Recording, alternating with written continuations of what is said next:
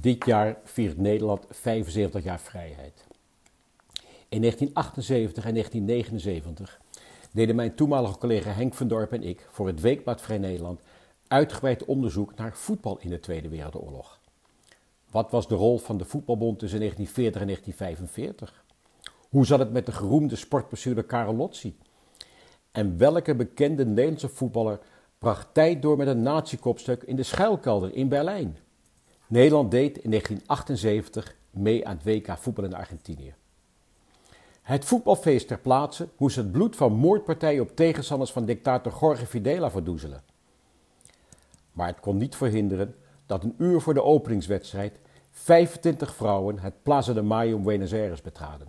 10 kilometer van het stadion vroegen deze zogenaamde dwaze moeders aandacht voor hun verdwenen kinderen en kleinkinderen. Het plein was nagenoeg verlaten op die donderdag 1 juni 1978 toen de moeders het plein opliepen. Dat was heel slim gedaan, want de inwoners van de stad hadden een vrije middag gekregen om massaal voor de televisie of bioscopen te kijken, verplicht te kijken, naar de openingsceremonie van het WK voetbal. De verhalen van de vrouwen waren hartverscheurend. Hun demonstratie was een impliciet protest tegen het WK voetbal. Uiteindelijk haalde Nederland weer de finale en met de groenteleiding op de tribune werd Oranje voor de tweede volgende keer verslagen in een WK-finale. Met eigen ogen hebben mijn collega Henk van Orp en ik ervaren hoe voetbal in Argentinië werd misbruikt door de politiek. Hoe sport een instrument was van een vrede dictatuur. Eerder dat jaar had Argentinië al proef gedaan met de organisatie van het wereldkampioenschap hockey, waar Nederland slechts zilver won en waarvan international Hans Jorritsma via een dagblok in Vrij Nederland verslag had gedaan. Jorritsma weigerde de zilveren medaille in ontvangst te nemen uit handen van Jorge Fidela. In plaats van een held werd hij bij terugkeer op Schiphol gezien als een verrader en net niet bespuugd door ouders van een aantal spelers. Na met name dat WK voetbal vroegen Henk van Dorp en ik ons af hoe de sport in Nederland tijdens de Tweede Wereldoorlog eigenlijk had gefunctioneerd. Daarvoor was nagenoeg niets bekend, bleek ons tijdens een bijna jaardurend onderzoek voor twee bijlagen in Vrij Nederland. één over voetballen en één over wielrennen in de oorlog. Bij ons onderzoek stuiten we al snel op een citaat van de bekende radioverslaggever Ad van Emmenes in de Sportkroniek. Het officiële orgaan van de voetbalbond uit augustus 1940, drie maanden na de inval van de Duitsers. Hij schreef: In de wereldgeschiedenis is een bladzijde bijgeschreven en we hebben het meegemaakt en overleefd. Maar nu gaan we verder, ook met de voetbalsport. We proberen weer gewoon te doen. We gaan weer voetballen. Tussen 1940 en 1945 is in Nederland eigenlijk gewoon gevoetbald. Elke zondagmiddag zaten de tribunes vol. Alleen werd de KNVB op 31 juni 1940 omgedoopt tot NVB, omdat het predicaat koninklijk door de nazi's werd verboden. We ontdekten dat ruim een jaar na de capitulatie van Nederland op 15 mei 1940 het bestuur van de voetbalbond besloot uit eigen beweging, letterlijk, geen Joodse scheidsrechters en grensrechters aan te stellen bij wedstrijden in plaatsen waar dat verboden is. Na 31 augustus 1941 verschenen op voetbalvelden ook de eerste bordjes verboden voor Joden. Maar laten we beginnen met het heden. En niet zo heel lang geleden. Zoals het voetbal november vorig jaar even een treurige afspiegeling van de maatschappij. Van gevoelens die blijkbaar leven in ons mooie Nederland. Ahmad Mendes Moreira van Excelsior werd tijdens de wedstrijd FC Den Excelsior zo erg en massaal uitgescholden voor kankerzwarte en kankernegen dat hij het veld afliep. De zaak Mendes Moreira was de ultieme wake-up call voor de overheid en de KNVB. Ik dacht de afgelopen tijd regelmatig terug aan de drie wedstrijden tussen Ajax en FC Den Haag in het seizoen 1986-1987, ruim 30 jaar geleden. Te beginnen met de competitiewedstrijd op woensdag 27 augustus 1986 in het Olympisch Stadion. Tientallen Den Haag supporters waren die avond van station Zuid via de stadionkade naar het stadionplein gelopen, terwijl ze massaal riepen: Wij gaan op jodenjacht, wij gaan op jodenjacht. Nadat ook de wedstrijd in Den Haag later dat seizoen was ontversierd door de meest walgelijke rellen, stond de bekerfinale tussen beide clubs onder grote druk. En die finale werd uiteindelijk gespeeld op vrijdag 5 juni 1987 in het Zuiderpark in Den Haag, omdat met alle rellen nog vers in het geheugen geen enkele stad die finale wilde hebben. Henk en ik waren erbij en we kunnen u verzekeren dat Joden en Zwarten die avond gebroedelijk de tot hen gerichte scheldwoorden ondergingen. Ajax won de finale uiteindelijk met 4-2 door twee goals in de verlenging van Marco van Basten. Na de wedstrijd overhandigde André van der Lauw, voorzitter betaald voetbal van de KNVB, de beker aan Ajax en prees tot verbijstering van onder andere Ajax-coach Johan Cruijff het publiek. Er waren geen doden gevallen, wellicht de norm die avond voor een geslaagde bekerfinale. Het was de voormalig voorzitter van de Partij van de Arbeid volledig ontgaan dat die Joden die avond massaal aan het gas konden en doelman Stanley Mensen van Ajax niet alleen de bekende racistische scheldwoorden naar zijn hoofd kreeg geslingerd, maar tot zijn grote woede ook geregeld bekogeld werd met bananen. Toen Henk en ik daarover een dag later in ons radioprogramma tussen Barend en Van Dorp met geluidsopnames uit het stadion berichten, richtte de woede van de autoriteiten zich op de boodschappers. We moesten eens ophouden er aandacht aan te besteden. Dan zou het verbale racisme vanzelf verdwijnen. Helaas bewezen de tranen van Mendes Morera meer dan 30 jaar later het ongelijk van zwijgen en wegkijken. Terug naar ons onderzoek uit 1978 en 1979. Vijf dagen na de inval op 10 mei 1940 en de vlucht van de koninklijke familie en de regering naar Londen was Nederland bezet door Nazi-Duitsland. De voetbalcompetitie werd daardoor tijdelijk stilgelegd, zodat Feyenoord pas op 18 augustus 1940 kampioen van Nederland werd.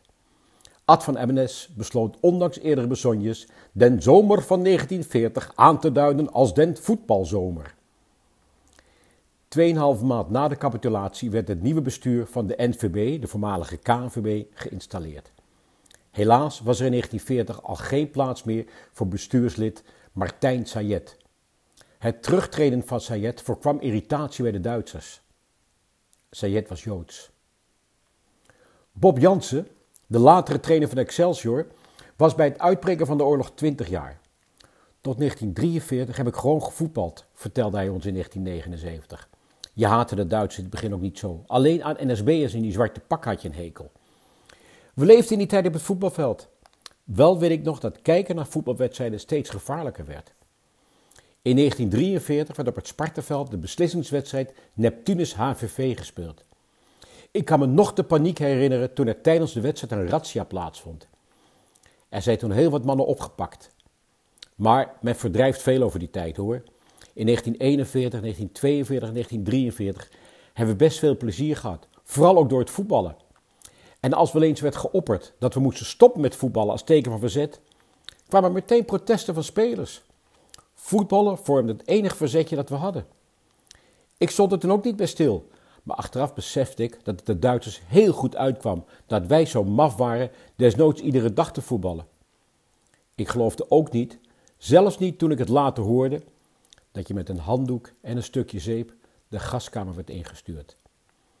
En dan te bedenken dat ik ze heb zien staan met hun koffertje, wachtend op transport.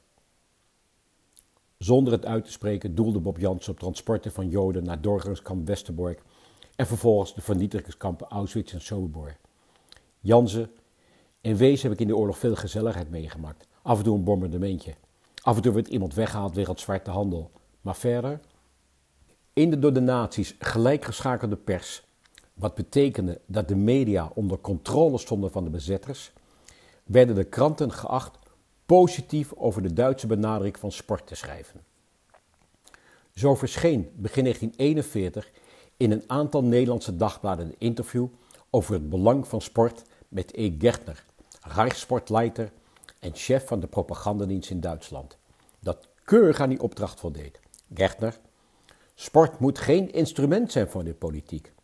Men heeft ons op vele plaatsen in de wereld verweten dat de Duitse sport politiek zou zijn. Dat is onjuist. Maar natuurlijk, het is wel zo dat wij met de sport ons land dienen. Maar dat is iets heel anders. Nou, we weten allemaal, als één sportevenement de politiek en Hitler heeft gediend, waren het de Olympische Spelen van 1936 in Berlijn. De hoogste man op het departement waaronder de sport viel in de oorlog, secretaris-generaal Jan van Dam, liet weinig twijfel over de wijze waarop de bezetters NVB-bestuurder Karel Lotzi gebruikte en deze zich politiek ook liet gebruiken. Van Dam Zelf beheers ik de sport niet, dus volg ik met grote belangstelling de resultaten van het werk van de heer Lotzi. Ik hoop dat het niet te lang meer zal duren of de heer Lotzi zal hebben bereikt wat hij zich voor ogen heeft gesteld. En dat doel was een volgzame sport georganiseerd naar Duits model. Tegelijk moesten clubs hun verenigingsbladen opsturen naar het ministerie om te kijken of er geen opruimende teksten in stonden. En sterker, in de zomer van 1941 werden die bladen zelfs verboden. Toen ook was het Joodse scheidsrechters via een officieel besluit van de eigen voetbalbond al verboden wedstrijden te leiden. Oud-scheidsrechter Leehorn in 1979 daarover. Verdere maatregelen hoefden ze niet te nemen, want er waren nog nauwelijks Joodse scheidsrechters. Zelf was ik al eerder gestopt in verband met mijn Jood zijn. En geloof me, met die maatregel had Lotzi geen enkele moeite. Hij was een uitgesproken antisemiet. Lotzi was een hele autoritaire man die zeer oranje gezind was, maar tegelijk zijn eigen ideeën bij de Duitsers terugvond. Tijdens de bestuursvergadering van de Voetbalbond eind 1941 stelde Karel Lotzi namens de bezetter voor een aantal wedstrijden te spelen ten bate van de onder de meeste Nederlanders zeer gehate winterhulp, die als doel had de Duitse oorlogsindustrie te steunen. Begin 1942 overleed plotseling de voorzitter van de voetbalbond Dirk Johan van Prooijen. Wim Klarenbeek, secretaris van Kwik Nijmegen, vertelde ons in 1971 hoe hij na een bezoek in Berlijn bij de toenmalige leider van de Hitlerjugend, Baldo van Schirach, voor elkaar kreeg dat zijn boezemvriend Karel Lotzi in plaats van een mogelijke NSB'er de overleden voorzitter zou opvolgen. Op 28 maart 1942 werd Lotzi officieel voorgedragen. Op 30 mei werd hij benoemd. Klarendeek. We hebben een probleem over het voorzitterschap in 1942 nooit wereldkundig gemaakt, omdat we niet wilden dat de mensen op de hoogte waren dat Lotzi mede met toestemming van de Duitsers was benoemd. Overigens werd diezelfde Klarenbeek op het eind van de oorlog beschuldigd van NSB-sympathieën. Door de Zuiveringscommissie voor de Sport werd Klarenbeek na de oorlog tot 1 april 1947 geschorst wegens te grote Deutschfreundlichkeit. Eind 46 werd die schorsing overigens met onmiddellijke ingang opgeheven. En over zijn vriend Karel Lotzi zei hij in 1979 tegen Henk van Dorp en mij: Tot 1941 heeft Lotzi op de rand gebalanceerd in zijn contacten met de Duitsers. Daarna kun je zeggen dat hij zich stug heeft gehouden, om het zo uit te drukken. Voortgekomen uit de kleine arbeiderssportbond kreeg Hendrik de Munter tot zijn verbazing in 1940 een kwaliteitszetel in de nieuw opgerichte NVB Nederlandse Voetbalbond. Hij herinnert zich dat niet Karel Lotzi, maar Steven Koldewij, de oprichter van de Twentse Voetbalbond, in 1942 door het bestuur van de NVB werd voorgedragen als opvolger van de overleden van Prooien. De Munter in 1979. Maar ineens wilde de departementssecretaris van de gevolmachten voor de sport, Miedema, dat wij Lotzi zouden benoemen. Volgens Miedema was Koldewij kansloos in de contacten met de Duitsers. De Munter wist zich niet te herinneren of Lotzi werd benoemd na de reis van zijn vriend Klarenbeek naar Berlijn. Klarenbeek ken ik natuurlijk wel, zei de Munter. Die was, en dat kende hij ook nooit, Duits gezind. Hij had tegen ons altijd ontkend dat hij lid was van NSB, tot ik bij zijn benoeming tot lokenburgemeester van Gender in 1944 in de krant Volk en Vaderland, zeg maar de krant van de NSB, las dat hij een laag stamnummer had van de NSB. Ik moet er overigens wel bij zeggen dat hij de tweede voorzitter in die tijd, Hans Hopster, heeft aangeraden om onder te duiken omdat hij had gehoord dat de Duitsers hem zochten. Op 20 april 1942 werd Adolf Hitler 50 jaar. Reden voor een feest voor de Nederlandse sportpers.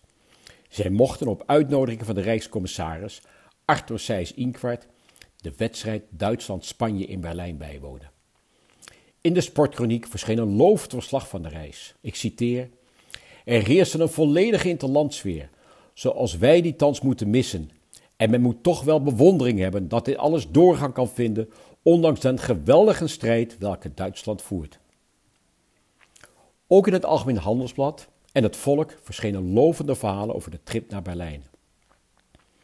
En tegelijk werd stilgestaan bij al die jonge Nederlandse mannen die in Duitsland te werk werden gesteld. Dat ze daar onder dwang waren, stond er helaas niet bij. Ik citeer: Met de dag verdwijnen meer jonge mannen uit het lage landje aan de zee.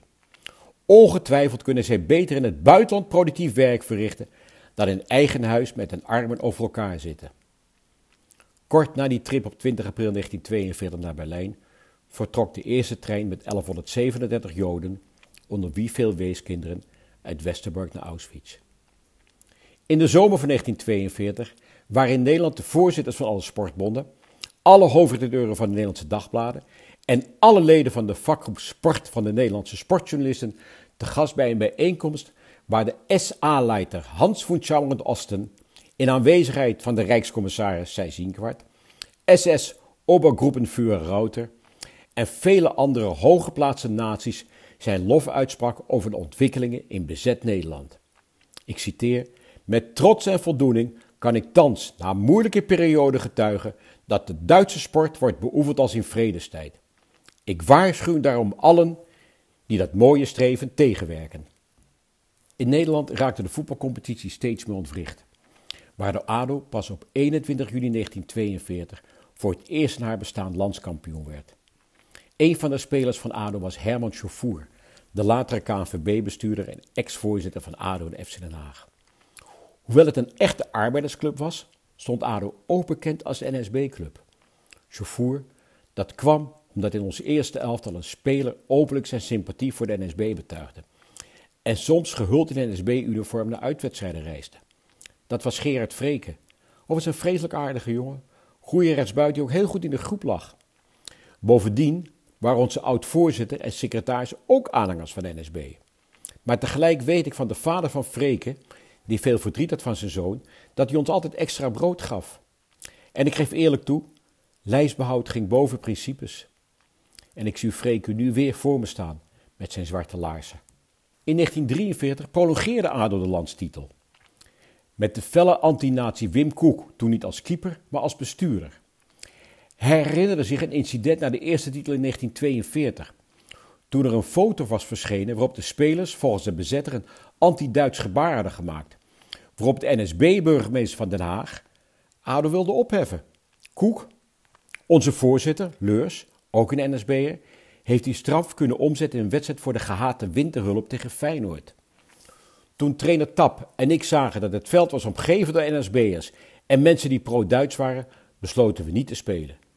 Niet spelen voor een hoge NSB'er? Dan onmiddellijk op sport naar Duitsland.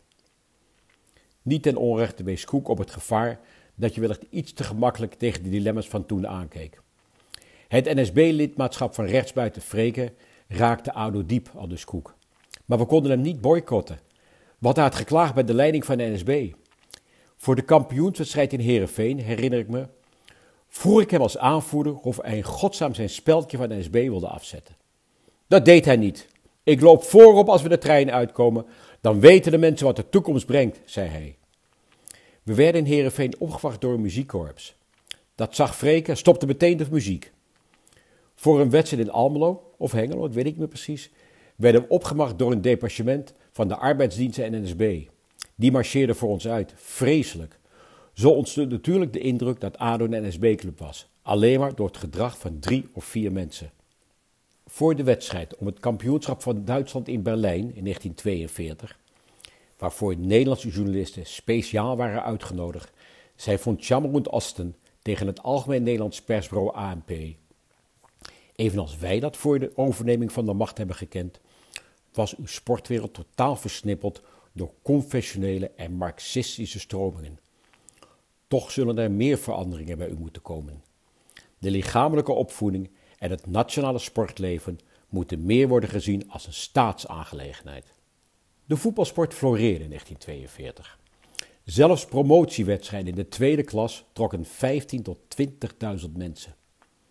De NVB, de Nederlandse Voetbalbond, telde 172.000 leden, verdeeld over 926 clubs. En op 21 juli van dat jaar werd door de NVB opnieuw 100 gulden overgemaakt aan de gehate Winterhulp Nederland. Met het verzoek daaraan geen rugbaarheid te geven, omdat de bond zijn liefdadigheid niet aan de grote klok wilde hangen. Tja ja. Voor het begin van de nieuwe voetbalcompetitie in augustus 1942 zei de secretaris-generaal van het departement van opvoeding, wetenschap en cultuurbescherming tegen de Nederlandse sportpers. De sport verenigt vele mensen tot een gemeenschappelijk doel en is dus politiek. Nationale sportpresentatie van Nederland in het nieuwe Europa is volksbelang en dus staatsbelang. Die woorden sloten naadloos aan bij de ideeën van Karel Lotzi over internationals. Lotzi was fel tegen betaalde sport. Toen Abel Lenstra, de ster van Herenveen, tegen vergoedingen in de winter van 1942-43 aan een korte baan schaatswedstrijd had deelgenomen en daaraan had verdiend, waren Lotzi en de gevolmachtigde voor de sport, de SS'er van Groningen aan Stuling, het gauw eens. Uit de notulen van de vergadering van het bondsbestuur op 20 februari 1943 citeer ik, de voorzitter, Lotzi, is van gevoelen dat indien zulks de NVB wordt gemeld, wij den betreffende speler op de beroepslijst moeten plaatsen. Kortom, als Lenstra zou blijven schaatsen en daarmee geld zou blijven verdienen, zou hij worden geschorst. Dat weerhield Lenstra in 1943 van deelname aan andere korte baanwedstrijden. Maar het weerhield diezelfde voorzitter Lotzi er niet van in de oorlog via zijn verzekeringskantoor naar het schijnt honderdduizenden guldens te verdienen aan clubs en bonden die bij hem een verzekering afsloten. Lees, moesten afsluiten. Hendrik de Munter, zijn medebestuurslid in de oorlog, die handelwijze heeft mij altijd zeer tegengestaan. Ik heb dat een ontoelaatbare vermenging van functies gevonden. Behalve alle bondsverzekeringen heeft Lotzi natuurlijk ook veel clubhuizen bij zijn eigen verzekeringskantoor ondergebracht. Toen ik in 1940 namens de kleine arbeiderssportbond in het bestuur van de NKVB kwam, was de situatie dat Lotzi alle verzekeringen regelde al lang aanvaard binnen de bond. Omdat de oorlog aan het Oostfront met de Russen steeds meer offers eisten, ook van de Nederlandse spoorwegen, deelde van Groningen aan Stuling op de wekelijkse sportconferentie van 4 maart 1943 mee dat gelet op de dreiging van het bolsjewistische gevaar ervan moest worden afgezien dat supporters per trein of per bus worden vervoerd.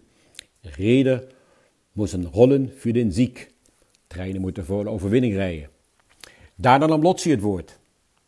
Wat voorkomen zal moeten worden, is dat de grote scharen van supporters met hun clubs de uitwedstrijden gaan bezoeken. Hierdoor worden de treinen immers overbelast. De treinen, maar dat werd niet bijgezet, die hard nodig waren om wekelijks duizenden Joden naar de vernietigingskampen te sturen. In maart 1943 overleed de leider van de beruchte Sturmabteilung SA, Hans von Schommeren-Osten, aan een verwaarloosde longontsteking. Hitler bemoeide zich daarna persoonlijk met de sport, tot vreugde van het voor de oorlog progressieve dagblad Het Volk. Het Volk schrijft: Het getuigt van een rijme blik van den Führer dat hij in deze oorlogstijd zoveel aandacht schenkt aan de lichamelijke opvoeding en de sport. En begin 1943 plaatsen alle bondsbladen de oproep van de Waffen-SS op zoek naar arbeiders in Duitsland. Ongeveer 400 voetballers werden door die oproep speler bij een Duitse club, waarna de beste Nederlandse spelers op zondag 11 april 1943 in het Hans Hess Stadion in Leipzig voor circa 20.000 toeschouwers onderweg 10.000 Nederlanders een heus interland speelden tegen een elft van Vlamingen en waarna nog diverse interlands in Duitsland volgden. Het Volk, voor een progressief dagblad, schreef na weer een interland tegen Vlaanderen in de zomer van 1943, dit keer in Berlijn, de Nederlandse vlag, de Vlaamse leeuw en de hakenkruisvlag gaven het stadion een internationaal en feestelijk aanzien. Er werd gezongen dat het een lust was de sfeer was als bij een officiële interland. Twee spelers die een paar keer zo'n interland speelden, waren toenmalig speler en later bestuurslid van Ajax Jaap Hordijk en ex-Ajaxiet Gerrit Stroker. Stroker was meteen na de capitulatie in 1940 vrijwillig naar Potsdam vertrokken, haalde daar zijn trainers- en massagediploma en heeft er tot 1945 gewoond en gewerkt als voetballer en trainer. En daar was er waarschijnlijk nooit meer weggegaan als de Russen Potsdam niet hadden bevrijd en ingenomen. Op de vraag over het brengen van de Hitlergroeten voor elke wedstrijd zei Stroker in 1979: Dat hoorde nu eenmaal bij. Je moest toch in leven blijven. Jaap Hoordijk, voormalig clubgenoot van Stroker bij Ajax, speelde in 1943 zijn eerste wedstrijd voor Potsdam 03, de club van Stroker. Hij zegt: Het gekke is dat ik in Duitsland veel minder heb gemerkt dat er oorlog was dan in Nederland. en af en toe kreeg de werkgestelde als Hoordijk verlof om terug te keren naar huis. Als hij niet had gevoetbald, was hij dan ook elke keer weer teruggegaan, vroegen we hem. Hoordijk, ik was geen type voor onderduiken. Wat betekende onderduiken? Dan was je je vrijheid kwijt. Dat vond ik een vreselijk idee, niet meer kunnen doen en laten wat je wilde. Het voorstel van de Rijksgevolmachtigde van de Sport voor Groningen aan Stuling om in 1943 in Berlijn een officiële interland Nederland-Duitsland te spelen, ging de voetbalbond overigens te ver. Een van de Nederlanders die in de Duitse competitie als speler van Hertha BSC furoren maakte, was de bekende spits Bram Appel. Hij vertelde ons in 1979 hoe hij in Duitsland terechtkwam. Hij werkte bij de Rekenkamer in Den Haag. Toen hij bij een inval van de Duitsers een brief kreeg waarin stond dat hij zich de volgende dag met zijn koffers moest melden op station Hollandspoor voor transport naar Berlijn. En als ik niet zou komen, zouden mijn ouders worden gearresteerd, zei hij. Ik moest werken in een fabriek waar wij de Jodenmensen moesten aflossen. De Jodenmensen moesten weg en wij moesten hun plaatsen innemen. Bij een bombardement op 22 november 1943, waarbij de fabriek volledig werd vernietigd, overleefde Appel door de voorschriften te negeren. Toen de Duitsers hem de volgende dag zagen, riepen ze verbaasd: Leefst u nog? Appel later. Ik heb in totaal trouwens 257 bombardementen meegemaakt. Na elk bombardement zet ik een streepje op de muur. De laatste waren trouwens van de Russen.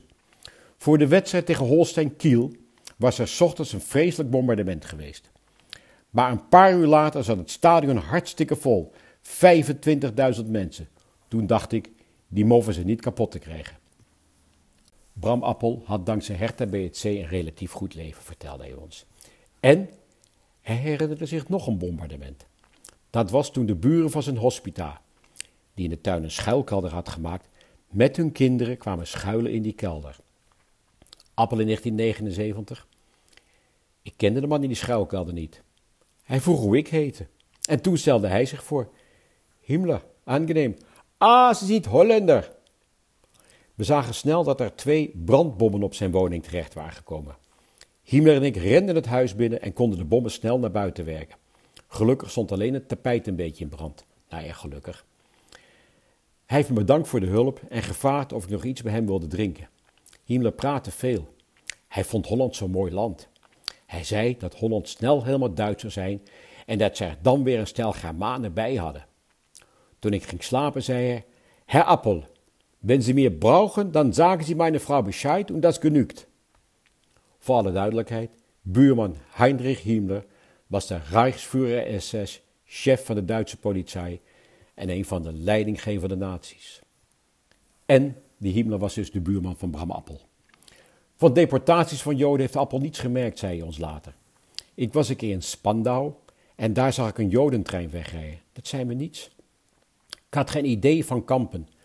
Pas in 1944 kreeg je in de gaten wat zich in die kampen afspeelde. Ik heb er ook nooit iets over gelezen in die tijd, hoewel je toch iedere dag de krant las.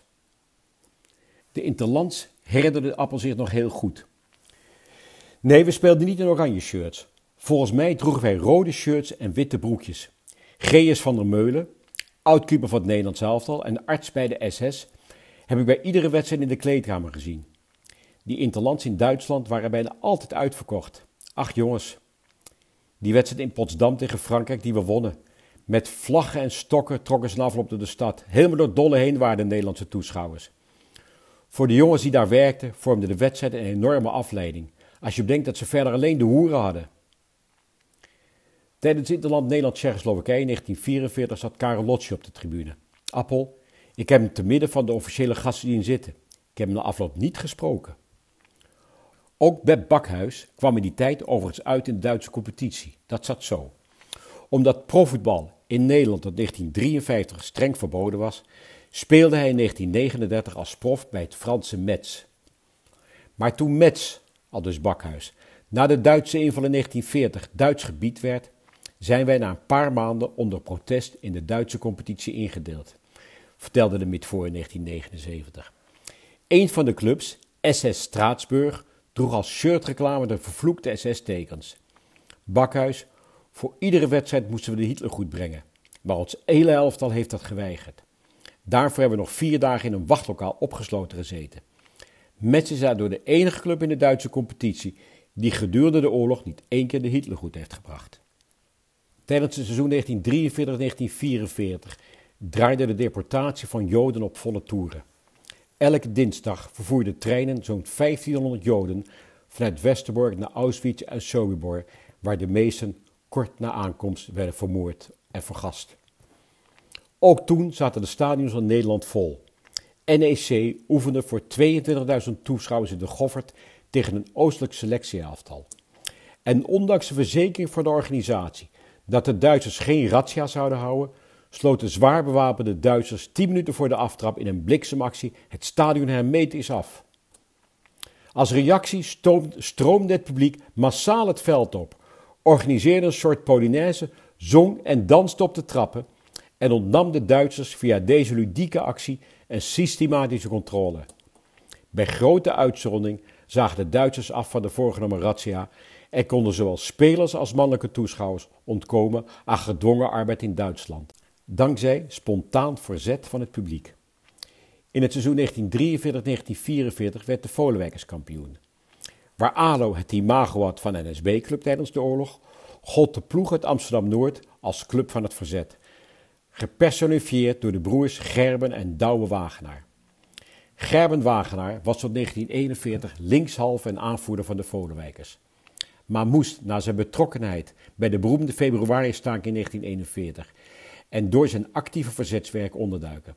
Na de oorlog was hij kort tijd Kamerlid voor de CPN. Jaap van der Lek, voormalig bondscoach en voormalig trainer van Feyenoord, was in de oorlog trainer van de Volenwijkers. Op het veld heb ik Gerben Wagenaar leren kennen als een geweldenaar. Hij was een keiharde, fantastische voetballer. Hij stopte helaas met voetballen omdat het door zijn activiteiten te verzetten gevaarlijk voor hem was geworden, stelde Van der Lek. Van 1941 tot 1946 heb ik bij de Volenwijkers gewerkt. En het gekke is dat ik nooit iets heb gemerkt van enige vorm van verzet die er in de boezem van de club wel degelijk moet zijn geweest. Douwe Wagenaar was eveneens een felle antinatie. Hij was de hele oorlog voorzitter van de Volenwijkers, dus ook toen de club op 29 mei 1944 naar een 4-1 overwinning op Herenveen in een stijf uitverkocht Olympisch Stadion kampioen van Nederland werd.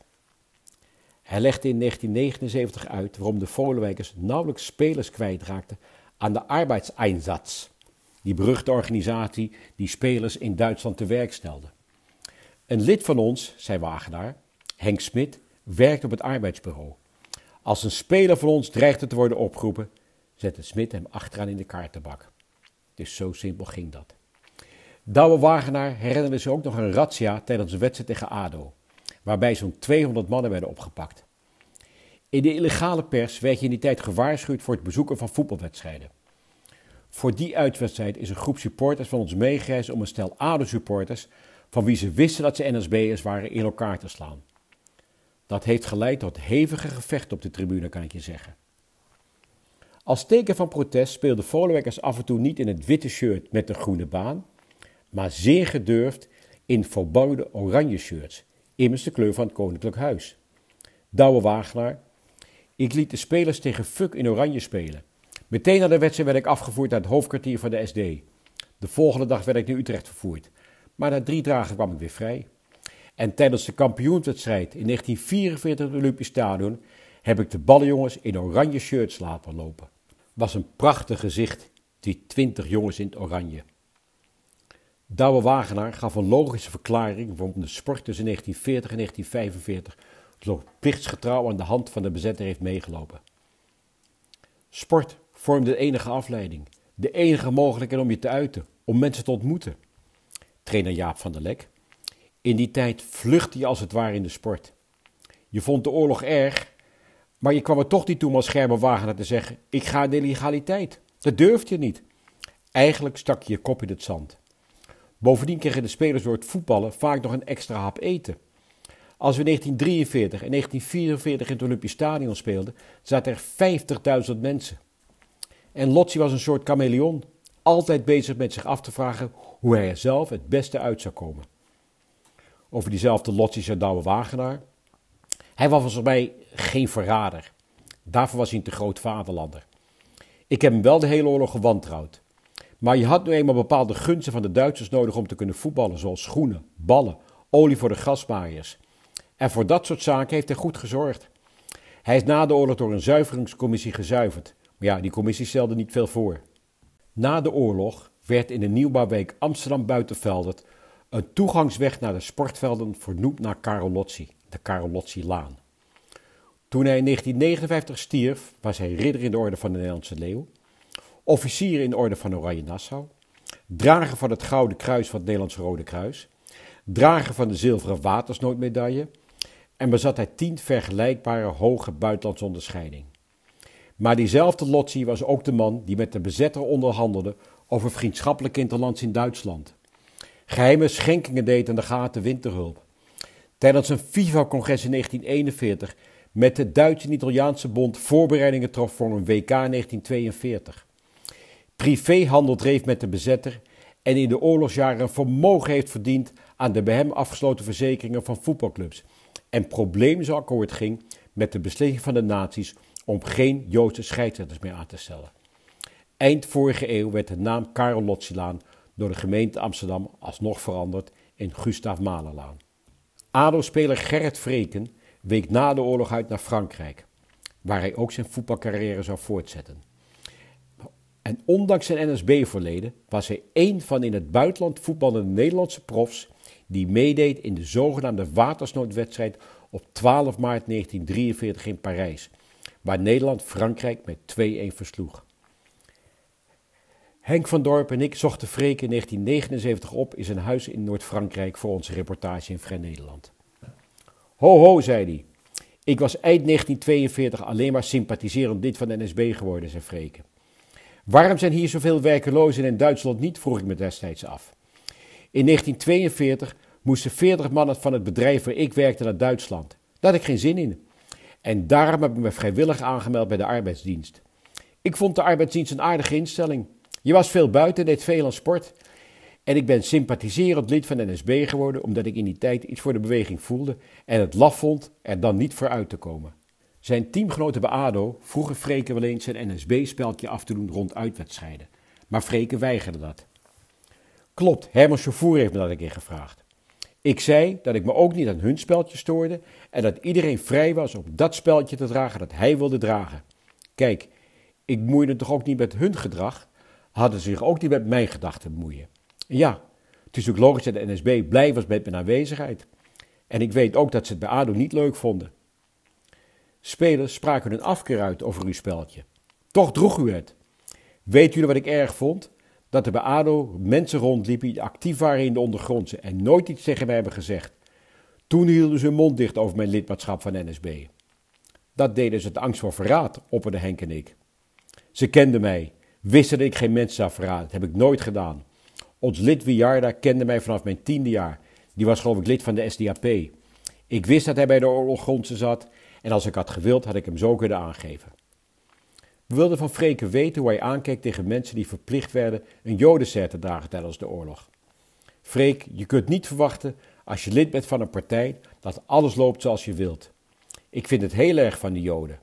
Maar dat zult u ook wel vinden als er iets in uw partij niet functioneert zoals u wilt. En na de bevrijding, hoe voelde Freke zich toen als sympathiserend NSB-lid? Freke tegen ons. Onmiddellijk na de bevrijding was ik wel bang. Ik ben ondergedoken bij mijn ouders. Ik durfde niet over straat. Pas eind 1945 heeft een vriend van mijn ouders mij op mijn verzoek aangegeven. Nadat ik vervolgens zes maanden in Scheveningen zonder proces had vastgezeten, kreeg ik in de lente van 1946 ineens een briefje dat ik naar huis mocht. Via een vriend ben ik toen naar Monaco gegaan om daar te voetballen. Maar ik kreeg geen overschrijving, maar ik vijf jaar was geschorst. Toen vond ik het gek en nu eigenlijk nog dat je voor de politiek bent vrijgelaten en voor de sport niet. Dat heeft in wezen toch niets met elkaar te maken. Kenmerkend voor zijn naïeve en eigenlijk gevaarlijke manier van denken was het gebrek aan enige spijt dat wij bij Freke constateerden. Wat zegt dit tot slot? Als ik nu weer voor dezelfde keuze zou staan, onderduik of vrijwillig bij de arbeidsdienst, zou ik weer voor de arbeidsdienst kiezen. Snel na de oorlog werd de NVB weer KNVB, Koninklijke Nederlandse Voetbalbond. De voetbalbond staat de laatste jaren symbool voor de multiculturele samenleving die Nederland is. Nederland is het eerste Europese land dat in de persoon van Ruud Gullit een donkere aanvoerder had. Die ook nog eens de beker in ontvangst was nemen van de Europees kampioen van 1988. Voor een speler als Engels international John Barnes van Liverpool ging dat aanvoerderschap van Gullit veel verder dan het pure bandje om de arm. Hij zag in Gullit als de first black captain of a national team. Een duidelijk politiek signaal. Een impliciet standpunt naar de politiek. Als statement dat sport en politiek elkaar positief kunnen beïnvloeden en niet los van elkaar kunnen worden gezien.